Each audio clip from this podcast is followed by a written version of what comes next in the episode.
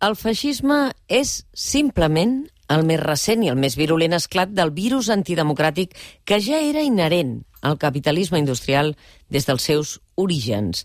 Carl Polanyi, el virus feixista, dins del llibre La naturaleza del fascismo. Editorial Virus. Jo no sé si tinc país, tinc el meu poble. Jo no sé si tinc camí, tinc el meu caminar. Entenc la llibertat si no em sent lliure. Jo no sé per què tinc veu si no m'escolten. Últim racó de pensar d'aquesta temporada. El racó de pensar. Un moment, no ens precipitem, primer pensem. Un moment, no ens precipitem, primer pensem. Jo pense, tu Xavier penses... Antic, molt bon dia. Molt bon dia, David Mònica. Fernández, com estàs? Estem, que ja és molt. Estava dient últim racó de, la, de pensar de la temporada i pensava en una temporada en què ens han faltat racons per pensar de tot el que ens ha passat, de tot el que hem travessat, de tot el que ens ha marcat, no? Així és. Quina temporadeta, diria aquell. Sí, eh? Uh, ja no, ahir intentava reproduir d'on què va passar al setembre, a l'octubre, no? I no me'n sortia, saps? De la intensitat, o sigui, així, tirant de memòria, eh? Pensava, la sentència, tal, tal, tal, tal, tal. I anava rebassant i Clar. a- al·lucinava. No sé si t'ha passat com a nosaltres, que clar, quan contrastaves una mica què és el que estàvem fent al setembre, quan vam arrencar temporada, Sí. sembla que siguin les coses que passaven que siguin de fa tres anys, no? Sí, Perquè van exacte, començar la exacte. temporada amb l'expectativa, no?, que llavors era imminent de la sentència del Suprem, amb els primers anuncis de convocatòria del tsunami democràtic, amb les manifestacions i les concentracions de reacció a, a, contra la la, sentència. no? I tots els temes que s'han vinculat a partir d'aleshores, no? El tema de les fake eh, policials, després, evidentment, la pandèmia del Covid-19... No, I no et deixis el temporal Glòria... Afegint-hi, no? Afegeix tots els fenòmens fenòmens desgraciats que ha patit aquest país i que ja han anat laminant la, la moral de la, del territori, no? Exacte, una darrere, una darrere l'altra, no? Fins a arribar al, a això, a l'estat d'alarma, els discursos militaristes, el confinament, el Black Lives Matter, revoltes globals, però a més d'altres temes que ens han acompanyat durant tota la temporada, no? Sobre el Valle de los Caídos, els brigadistes, N'hi ha- l'exili republicà, Mauthausen i Auschwitz, no? Ens n'havíem d'anar allà, recordo. Exacte, un any de memòria. A l'inici de temporada, no? Sí, sí. De coses que La farem vida- i que no farem. La vida és un imprevist, definitivament, i és el que passa quan planifiques altres coses, perquè al final eh, això és el racó de pensar, en teoria, per eh, abstraure-us una mica de la immediatesa, i ha sigut impossible. Hem, hem anat d'emergència en emergència, de la repressiva a, a la climàtica eh, amb, el, amb, el, amb el Glòria, a l'emergència eh, epidèmica, no? I ha sigut així, i el que teníem previst, efectivament, fins i tot a, a Mauthausen, doncs eh, no ha estat així, però al capdavall el racó de pensar per pensar la realitat que ens ateny i aquestes crisis matriosca que estem vivint siguin consecutives, eh, simultànies o, o encadenades i totes elles eh, directament entrelligades unes, unes amb l'altres. I sobretot això, déu nhi també el, el repertori o, o l'alineació amb la, amb la que hem treballat, amics, convidats i estimades. La veritat és que sí, i quan eh, nosaltres ara a final de temporada farem assemblea, com sempre fem del racó, per veure amb quins autors hem, hem sigut capaços d'acompanyar-vos, els que ens esteu sentint, sempre us diem que tenim ganes que el recupereu. Segurament l'estiu és un bon temps per llegir, per llegir assaig, no? Eh, que tenim més calma per fer-ho, eh, i hem de recordar alguns dels autors que han estat, alguns d'ells, eh, de manera transversal presents en el vostre discurs de Xavier Antic i de David Fernández en aquests racons de pensar, i alguns d'ells puntualment eh, llums en la foscor. Ara que, diu, Exacte. ara que s'utilitza No? aquesta, aquesta frase, no? Sí, no, només per recordar-ne alguns, no?, amb el, la pesta de camí, que va ser recuperada al primer racó del confinament, que també sembla que fos tan lluny quan ho van començar a fer, i d'altres bones companyies, no?, que ens han ajudat una mica, més que com a crosses, no?, que han anat modulant una mica les coses que podíem pensar, algunes llunyanes, però que permetien de pensar justament el present, com deia el David, no?, Walter Benjamin, George Steiner, que ens va deixar, Ens va deixar Zizek, recentment, Angela Davis, amb el text recuperat en traducció denunciant la barbàrie de les presons, però també George Orwell, les distopies anticipades, la doctrina del xoc digital amb Marta Peirano... Sí, i a l'octubre, mira, tot començar el Gustau Muñoz, aquell 9 d'octubre, que ens visitava des del País Valencià, em deia qui pensi al segle XX sap que tenim el calfred assegurat en aquest segle Sembla XXI. que fos ahir que va Sembla venir fos Gustau ahir. Muñoz aquí. Sembla que fos ahir, però ho va anticipar, eh? va dir el, calfred assegurat eh, per una bona temporada. I les reflexions que van fer els germans Engels sobre desobediència civil, eh, aquest magnífic llibre que... que, que, que en vam començar a parlar aquí, just Exacte. abans de que arribés a llibreries, no? en un moment en el qual tothom n'estava parlant d'aquests temes i que va servir també una mica com a clau de mobilització, podríem dir-ne, no? A part de Richman, l'Ignacio Sánchez Cuenca, no? Recordant-nos que la vida s'assembla cada cop més a un aeroport. no? un, un no lloc permanent. Exacte, i les visites jo crec que memorables, no?, de la Marcia Tiburi i de Caroline Emke. I de Santi Albarrico, que això va També, ser aquest sí, any. sí, també. eh, sí? Sí, sempre el tenim Sempre està molt un cop, present, eh, no? I com som tres, i som tres voltes rebels, Maria Mercè Marçal.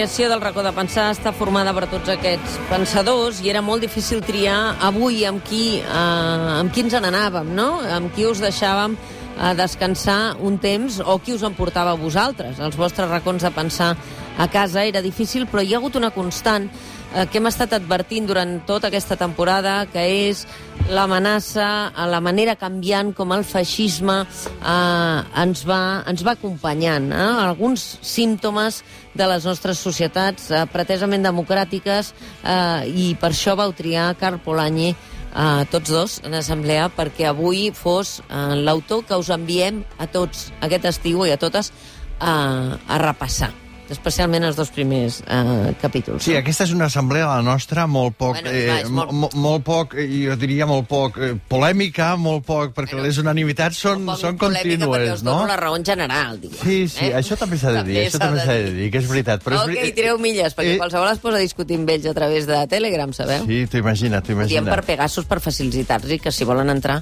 Ja estaria bé que els, que els de Pegasus s'escoltessin els racons de pensar, sí. no estaria és una malament. No estaria malament. Especialment el, especialment el de la Marta Peirano, de la doctrina del xoc digital.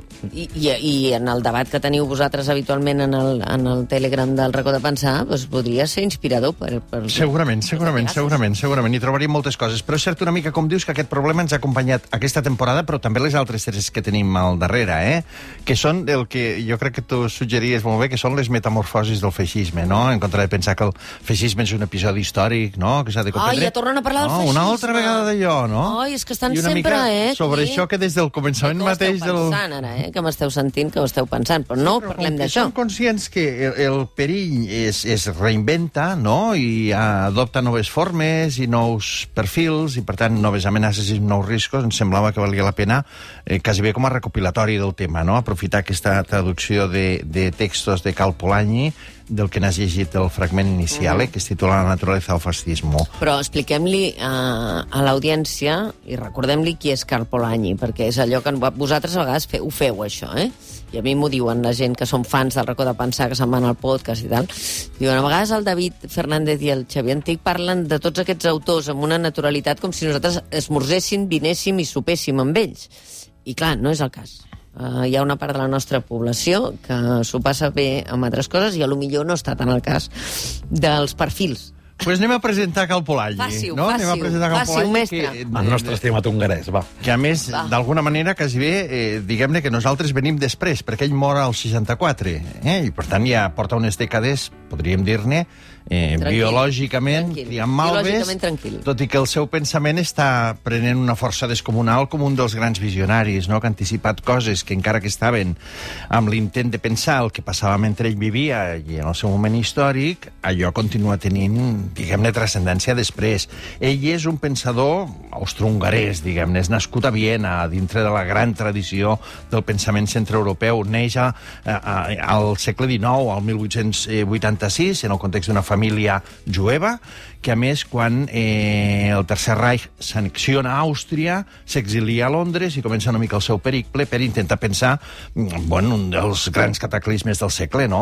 com pot ser que passés el que va passar en els anys 30 i que portés a l'esclat de la Segona Guerra Mundial. Ell ha publicat una obra descomunal molt coneguda. Aquest és un recull de, de textos i d'articles imprescindible, però la seva obra gran, podríem dir-ne, és la que es titula La Gran Transformació, que a més l'any passat, el 19, se va complir el 75 aniversari de la seva publicació, i és un d'aquests llibres que s'ha s'ha editat com si fos una novetat, podríem dir-ne, no? Sí. Perquè eh, barrejant sociologia, podríem dir-ne, antropologia, història econòmica i teoria política, planteja, per dir-ho en una frase, eh, com una l'existència d'un moviment pendular entre societats i mercat. Va, no? I- aquesta... Frena. Para, Carlos. és que els he d'anar frenant. I de fet, de fet vam, fer, vam, vam fer un racó al desembre sobre, sobre aquesta... Sí, sobre aquest... Jo crec que la millor obra, no? la, la crítica al liberalisme econòmic eh, més lúcida que hi ha, on posa de manifest eh, reprenent les paraules del Xavier, la radical incompatibilitat entre la societat de, de, democràtica i mercat capitalista, anem a dir-ho així. Aquesta és una idea eh, que l'ajuda, i en aquests textos de la naturaleza del fascismo a virus, que el trobareu eh, publicat a virus, veureu eh, que hi ha uns quants textos que són claus no?, per entendre el pensament de Polanyi en relació eh, a les diferències entre socialisme, feixisme, comunisme, és a dir, com el mercat, com la societat, com la concebim, la societat, si com una massa controlable, no eh, sotmesa a les lleis del mercat. Aquesta anàlisi jo crec que avui és molt vigent, no? Com ens sentim nosaltres, els ciutadans, respecte dels estats, però del mercat, sobretot, no? Així és. Exacte, hi ha una cosa que jo crec que a nosaltres ens ha marcat també amb alguns dels autors que hem convocat aquí, que són aquests que han pensat des del cor de les tenebres, per dir d'alguna manera. No és molt fàcil pensar quan les coses ja han passat. El David comentant una mica en assemblea el programa... en el cor de les tenebres? Eh? En unes altres, no? El problema és identificar-les, no? Quines són les tenebres que ens obliguen ara a posar-hi una mica de llum, no, no posant-hi llum a tenebres que són d'una altra època. I, per tant, nosaltres tenim les nostres pròpies tenebres. Però en el cas de Polanyi, com tu deies molt bé, clar, són uns articles fets en, en, En uns anys clau, complicats, clar. no? Per dir-ho de manera estricta, són articles escrits entre el 23 i el 43. És a dir, just quan les coses s'estan gestant i quan després del 45 sentirem dir a molta gent jo no em pensava que, Que això allò pogués anar tan lluny, cap no? O que provoqués totes aquestes Jo crec que hi ha, coses. exacte, que agafant el Xavier hi ha dues coses, no? El cor de les tenebres, eh, en el moment, o sigui, són articles, no és una obra com la gran transformació, que està molt, molt pensada i molt elaborada, sinó que a més és una evolució, també jo crec que el llibre que està ordenat cronològicament gràcies a aquesta magnífica edició de, de Virus, que coordina el Fernando Soler des de, des de València, però que a més eh, explica l'evolució, no? O sigui, veure, veure-les venir el 23 enmig de Weimar, anem a dir-ho així, i com al final els darrers textos, especialment l'últim, que és el virus fascista, ja hi ha una lucidesa analítica de quina és l'essència del feixisme, més enllà del que li atribuïm habitualment, de la violència, de l'antisemitisme, eh, de la superioritat racial, de l'autoritarisme, sinó coses molt més eh, salvatges des d'un punt de vista eh, des d'un punt de vista filosòfic. I jo crec que aquesta és la virtut del, del llibre, que a més és inèdit, és a dir, són textos recuperats eh, a, eh, del Canadà, de, de l'arxiu digitalitzat de tota la producció i de Polanyi, i ens recorda allò, no? allò que moltes vegades les versions oficials diuen aquella bogeria que va ser el nazisme, aquella èlit boja, no, no, era una societat sencera que donava suport en forma monolítica no? i estricta i amb eufòria, no? a entendre i comprendre eh, l'essència eh, del feixisme és el més útil per tornar a evitar, perquè ja ho ha dit també Primo Levi, a les acaballes, no? si, si ha passat pot tornar, pot tornar a passar.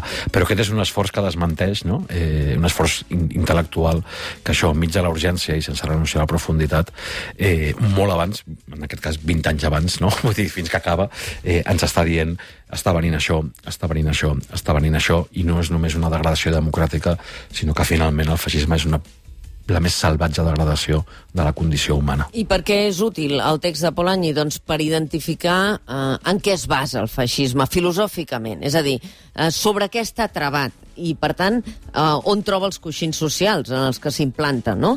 I segurament identificar-ho, que és el que ell fa amb aquest llibre, ens ajuda, eh, quan ho llegim avui al segle XXI, a dir alerta, perquè la filosofia és el que et porta al rebrot, mai millor mai millor dit del que ens pot arribar a passar, no? Sí, exacte. Jo crec que aquest és el... Bueno, creiem, eh, que aquest és una mica el gran encert del llibre, no? El, el fer-se la pregunta què és el feixisme, no? I més enllà una mica dels eh, condicionants històrics. De fet, una mica la seva reflexió està bastida a partir del que passa a Alemanya, a partir del que passa a Itàlia i també a partir del que passa a Espanya, Espanya, i no? tant. I, per tant, veure'l ell diu com a moviment, però no necessàriament com a moviment organitzat, diguem-ne, que també, sinó com una certa tendència, podríem dir-ne, no? Una tendència que s'articula com a reacció a alguns problemes, no?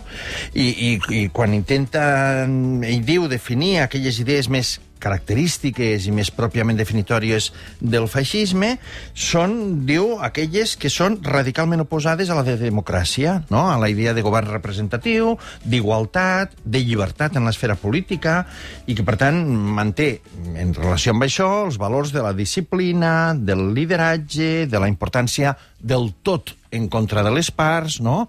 I, per tant, una mica aquest posar l'ideal per sobre d'individus, de diferències, de conflictes, amb l'expectativa de que aquest tot, d'alguna manera, ho resolgui tot, no? I aquí és on eh, la vincu- li és útil el feixisme al capitalisme i aquesta vinculació entre feixisme i capitalisme és intrínseca Polanyi. Una de les coses que també més molesta no? eh, a, a l'ordre liberal, no? quan es recorda no el liberalisme polític, sinó parlo del liberalisme econòmic, eh? quan allò que s'ha desmentit i és la relació intrínseca entre feixisme i capitalisme que es podria formular de, de moltes formes, no? que al final eh, el feixisme és l'expressió del capitalisme en temps de crisi, és la sortida autoritària del capitalisme quan veu amenaçada mm, a les governances democràtiques, així ho diu Polanyi, quan veu amenaçada les governances democràtiques, recorre no hi ha el cop d'estat militar, que és una forma de reacció, per dir-ho així, sinó a un model social que fins i tot, eh, abans ho parlàvem amb el Xavier fent el cafè, utilitzant retòriques antica, Ah, fet el anticapitalistes. cafè. Hem fet el cafè, hem fet dos. Eh, eh, retòriques anticapitalistes, no? però en el fons és un reforçament. I avui eh, encara costa de parlar com el capitalisme espanyol incipient, encara que de forma molt diferent als capitalismes italians i alemanys, van donar suport al franquisme de forma clara.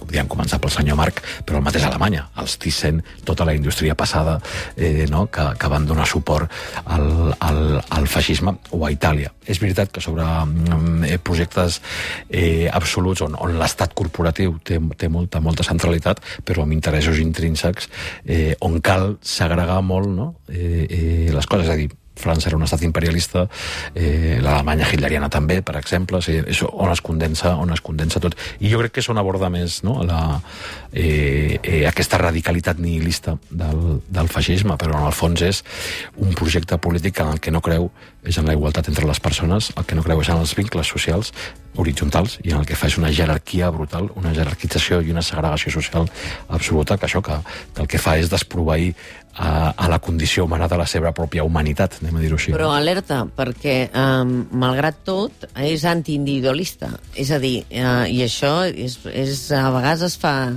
um, fàcil de dir però difícil d'entendre, no? És a dir, que la filosofia que hi ha Mm. darrere del feixisme pivota sobre una col·lectivitat obedient. Exacte, exacte. Entesa I la noció d'obediència, eh? Hi ha un, un element molt important, que és el que ara assenyalava el Que el David, mercat no? també necessita. Exacte, no? que és eh, eh, la paradoxa de que encara que la retòrica pugui semblar que és en defensa de les classes desfavorides, dels treballadors, etc, perquè la retòrica ha estat aquesta en tots els feixismes, no? Per això van guanyar les eleccions. Exacte, eh? i per això se n'aprofita una mica el sistema democràtic per la mobilització del descontentament, per dir d'alguna manera. D'altra banda, es posa literalment al servei d'allò que retòricament diu eh, atacar, que seria les bases del capitalisme, quan en el fons el reforça perquè la seva principal aliança és amb les oligarquies locals, dit ràpidament, no? Però l'altre element que tu assenyalaves, que és, jo crec que és molt, molt fort, com el diagnostica el Polanyi, per l'odora que di ho diagnostica, no? que és aquest antiindividualisme visceral, no? com si d'alguna manera eh, allò que eh, fos eh, el primer que cal atacar és la capacitat dels individus d'actuar de manera lliure, no? i fins i tot coordinada i solidàriament entre si.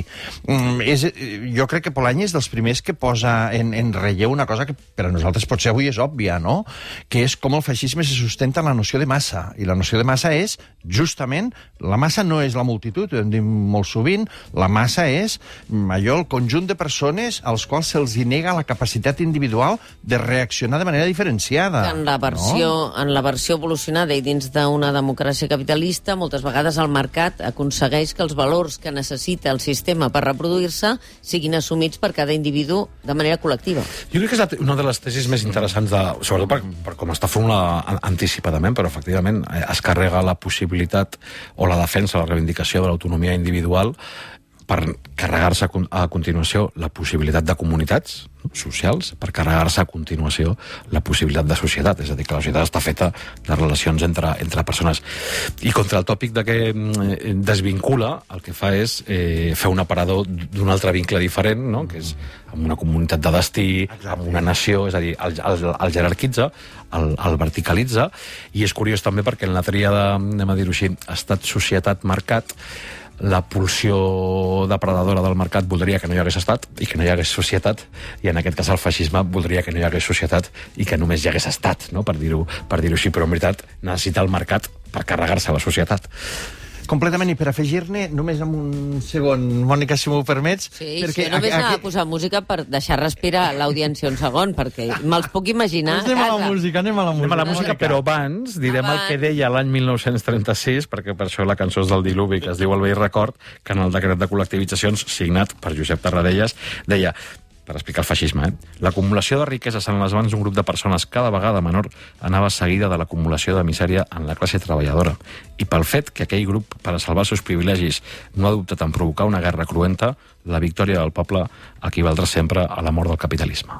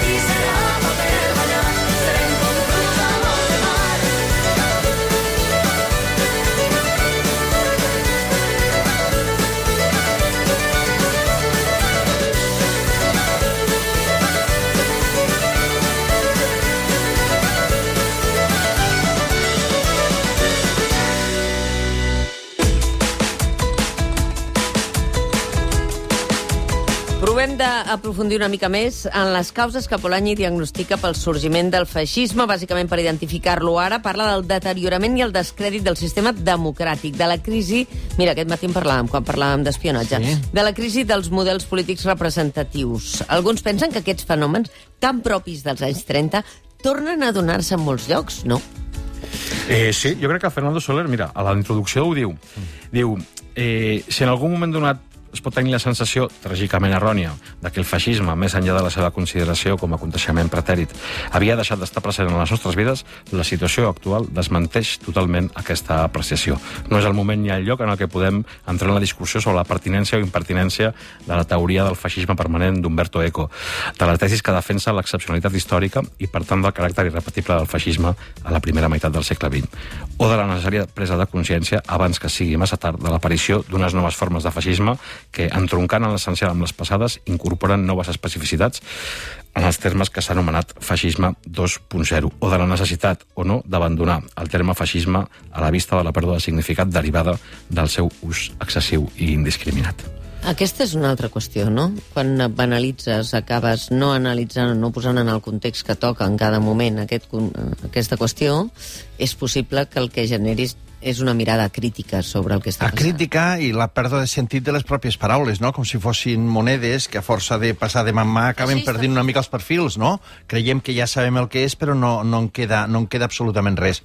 Eh, això que ara tu comentaves, Mònica, i que el David mm, eh, ampliava, eh? aquesta idea jo crec que és molt, continua sent molt potent, que és com el feixisme viu sobretot nodrint-se de dos deterioraments, que un seria el deteriorament del sistema democràtic, representatiu, de la capacitat de delegar, etc etc. Tant, del descontent, per tant, una i mica de, de tot allò que té a veure amb la corrupció del sistema polític, I no? del distanciament públic, Exacte, que generen desconfiança, no? Que, que van llimant per sota, podríem dir-ne, perquè el propi sistema ho afavoreix, no? El- L'erosió de la confiança en el sistema democràtic, no? I d'una altra banda, tot aquest element que està molt lligat a crisis econòmiques, no? I jo crec que això és d'extrema actualitat, com eh, crisis econòmiques mal gestionades eh, acaben produint que classes populars i fins i tot classes mitjanes acabin, diguem-ne, veient llimades les seves capacitats de sobreviure en un determinat context, no? I de com aquest descontentament acaba revertint com un descontentament en contra del sistema al qual cal dir-ho, el feixisme procura de donar resposta, no? Ah. Perquè se'n fa seu el discurs contra aquest sistema, paradoxalment, com dèiem abans, per acabar-lo reforçant, Clar. no? I algú al 1934 ja ho escrivia amb una cita recuperada per Xaviètic. Ens trobem aquí, però, amb veritats ben conegudes. Hem assajat de relacionar-les amb un principi fonamental. Potser hem arribat a mostrar que el racisme i el feixisme no suposen només a tal o tal aspecte particular de la cultura liberal. No està en discussió tal o tal dogma de la democràcia, del parlamentarisme, del règim dictatorial o de la política religiosa. És la humanitat mateixa de l'ésser humà que està en qüestió. Emmanuel Levinas. Algunes reflexions sobre la filosofia del hitlerisme, 1934. Avís de sang aquí a la cama.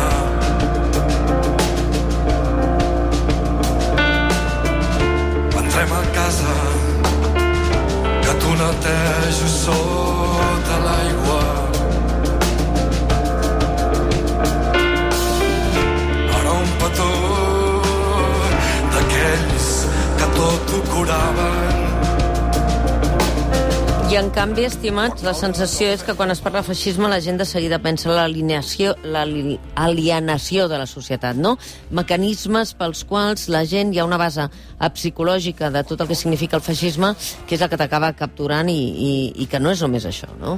Però sí que hi és aquesta I base. és també, eh? Una mica aquesta, podríem dir-ne, predisposició, que en els anys 30 està molt tematitzada i jo crec que des d'aleshores no hem deixat de pensar-hi, no? Aquesta predisposició a cedir la responsabilitat La a la que ens obliga la llibertat, La llibertat. no? que és la de haver de decidir, de córrer riscos, de, De mullar-se, de comprometre's, de de renunciar. renunciar, de fer equilibris, de triar, d'acabar triant, etc. no? I una mica amb aquest, amb aquest context del que estaria una mica en la base, com a complement d'aquestes bases psicològiques, hi ha una cosa que jo de totes les que diu el, el Polany al llibre voldria convocar aquí perquè em sembla molt forta. Són dues ratlles només, eh? Quan diu els orígens polítics del feixisme són els mateixos a tot arreu. És un moviment contra la democràcia i afegeix de cara a destruir la influència de la gent comú en la legislació. És a dir, com si la base fos justament el impedir que la gent acabi de modificant els sistemes de representació, els ordres Tallar legislatius... Tallar la iniciativa, tallar la iniciativa, no? I, per tant, impedir allò que en constitueix l'essència de la democràcia, que és que la gent modula allò que han de ser les lleis amb les que regula la vida en comú. I que no? segurament se sustenta eh, en què aconseguir que la gent el que vulgui dels estats, de les administracions, dels mercats, és que li diguin com s'ha de comportar cada moment, que li donin instruccions i que bus pugui buscar un responsable. És a dir, no exercir les llibertats pròpies. Exacte, i barrar una mica el pas a que la pròpia organització d'aquestes iniciatives acabin transformant, podríem dir-ne, l'ordre legislatiu, no? Vostè rematarà, senyor Fernández, perquè a més a més ens ha de dir quina música ha triat per marxar. Doncs trio, trio mm, el jurament del 8 de maig a les portes de l'infern de Mauthausen, mai més enlloc contra ningú. Així? Acabem? Així. I que lliga directament amb la cançó que ve. Que Escolta, bufi el vent del nord i del sud i va pensar-ho. I ens veiem aviat. que passeu un molt bon estiu, que prengueu moltes decisions encertades, que sigueu molt lliures i aneu pel camí del bé cap al del mal, hi ha un embús de l'hòstia. Això.